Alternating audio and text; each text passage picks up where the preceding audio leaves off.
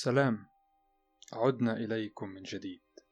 عدنا إليكم. عدنا إليكم من جديد من جديد ولا. من جديد آه. من جديد ولا. من جديد من جديد من جديد. أهلا بكم في حلقة جديدة من بودكاست شاي مظبوط.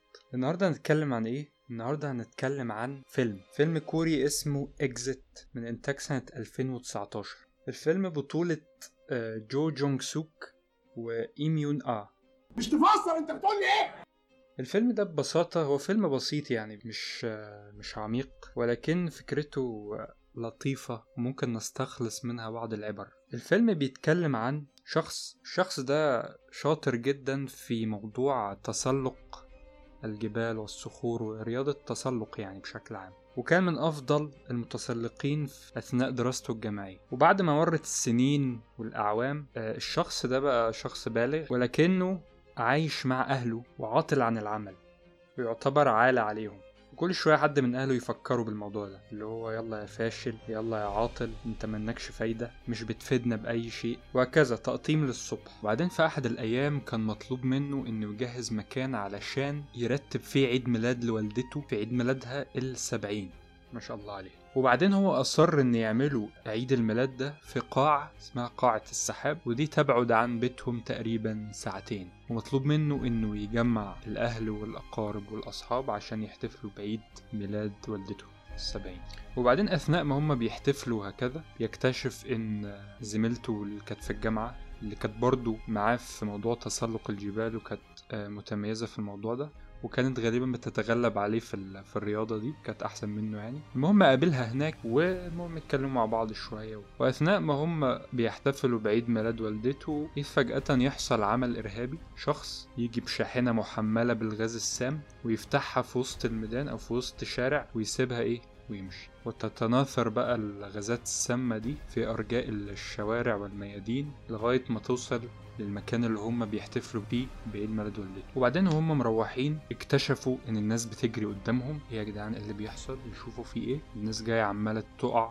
اللي بيجري وبعد كده يقع من الغاز. والغاز لما يوصل التنفس أو يوصل الجلد بيموت الشخص. وبعدين أول ما شافوا الكلام ده قاموا رجعوا جري على المبنى اللي هم كانوا فيه. طلعوا فوق. المفروض هم يطلعوا السطح عشان ينادوا الناس تساعدهم ينادوا الطيارات الهليكوبتر إنها تيجي وتنقذهم. وعشان برضو إن ال- الدخان ده عمال يتصاعد يتصاعد. فهم إيه يوصلوا لأعلى نقطة يقدروا يوصلوا لها عشان يبعدوا عن الدخان والغاز. المهم هم طالعين اكتشفوا إن الباب بتاع السطح مقفول والمفتاح ضايع.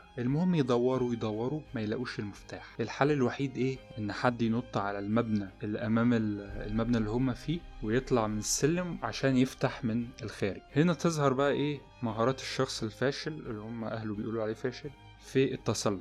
فصاحبنا يبتدي يجهز العدة بتاعته المتاح اللي موجود في المبنى وتساعده زميلته اللي هي كانت معاه في موضوع التسلق ده أيام الجامعة ويبتدي يتسلق إيه عشان يفتح لهم السطح من بره إلى أن ينجح ويفتح السطح من بره. وهنا خلصنا أول جزء من الفيلم. المهم يحاولوا يشاوروا للطيارات الهليكوبتر عشان تيجي تنقذهم وتنقذ عيلتهم. بالإشارة اللي هي SOS لحد ما ينجحوا في إن طيارة هليكوبتر تشوفهم وبعد كده ينزل وتاخدهم إيه تاخد العيلة الطياره الهليكوبتر. ولكن مع الأسف هيفضل شخص واحد مش هيجي ألا وهو إيه صاحبنا وزميلته.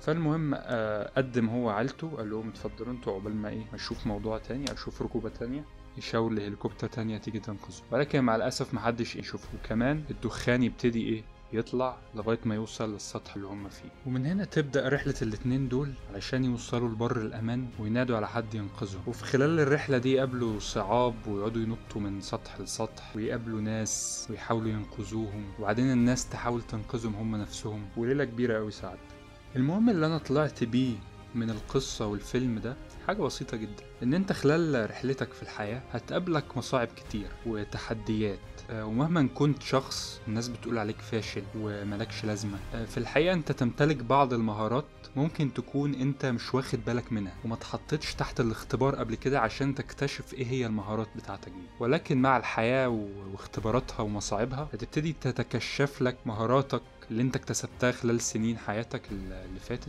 وبالتالي هتعرف تستخدمها في الوقت المناسب. وكمان الشخص لازم خلال حياته يكتسب مهارات كتير ومتنوعة لأن أنت مش عارف إمتى المهارات دي ممكن تفيدك وتستفيد منها في مراحل حياتك المختلفة. وزي ما المثل بيقول if you rest you rust. يعني كل ما ترتاح كل ما تصدي. فخد بالمثل ده وخليك متحرك وخليك اكتف في الحياة. وإن الحظ في الحقيقة هو بيجي بس للشخص المستعد. فأنت لو شخص ما عندكش المهارات والخبرات اللي تأهلك إن أنت تستغل الفرص اللي بتيجي في حياتك عمر ما يكون عندك حظ جيد. إذا هل ممكن الواحد يزود فرصته في الحظ السعيد؟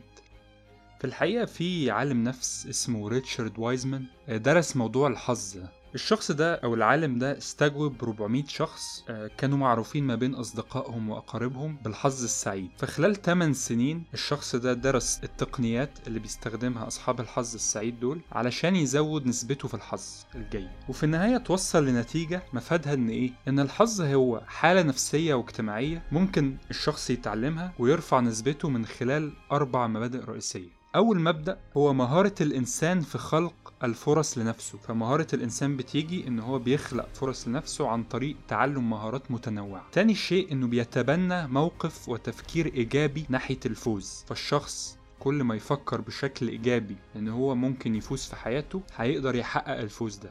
تالت شيء إنه لا يتأثر بقرارات أو مصائب سابقة حصلت له. يعني الشخص ده لو حصلت له مشاكل قرارات سابقة ده ما بيأثرش على قراراته المستقبلية ولكنه فقط بيتعلم منها. آخر شيء الشخص ده دائم القناعة إنه شخص محظوظ. يعني هي في الأول وفي الآخر mindset أو طريقة تفكير. فالشخص اللي بيفكر إن هو لازم يكون مستعد ويفكر بشكل إيجابي ناحية الفوز والفرص الجيدة بالتالي الش... الشيء أو الفرص الجيدة هتجيله لغاية عنده. المهم صاحبنا العالم ده حط كتاب اسمه Luck Factor The Four Essential Principles أو عامل الحظ ومبادئه الأربعة. أنصحكم تقروه. وبالرغم إن العوامل دي ما بتجذبش الحظ الجيد أو النجاح المجرد ولكنها كفيلة بتوفير أرضية أفضل عشان تزود فرصك في الفوز أو فرصك في الحظ السعيد. فمثلا المبدأ الأول بتاع المهارة بتخلق الفرص. وايزمان لاحظ أن أهم صفة بتميز المحظوظين هي مهارتهم في خلق الفرص الجيدة لأنفسهم. من خلال متابعتهم اللي حواليهم والتنبه للي بيفعله أصحابهم واللي حواليهم والبيئة اللي حواليهم وبيتابعوا الأشخاص الناجحين عشان يتعلموا منهم ومن طرقهم في النجاح. وكمان هم باستمرار بيتعلموا وبينموا مهاراتهم في التعلم وخلق الفرص. وأخيرا أيها السادة أمدكم الله بالحظ والسعادة لا يخدعكم الاسم أو المظهر فالمحظوظ نفسه آخر من يؤمن بالحظ الجيد أو السيء. فهم ببساطة أشخاص بيعتمدوا على نفسهم وعلى خلق الفرص لنفسهم باستمرار وبالاجتهاد والواقعية. وإن أنت لازم تشتغل وتتعب وتنمي نفسك ولا تصبح شخص خامل أو متكاسل بانتظار الحظ الجيد ولكن اسعى وتعلم ومد نفسك بالمعلومات والمهارات اللازمة عشان تقدر إيه؟ تنجو من قاع اليأس والإحباط. بس كده. هذا هو ما لدينا اليوم. إن شاء الله نشوفكم في حلقة جديدة. والسلام عليكم ورحمة الله وبركاته.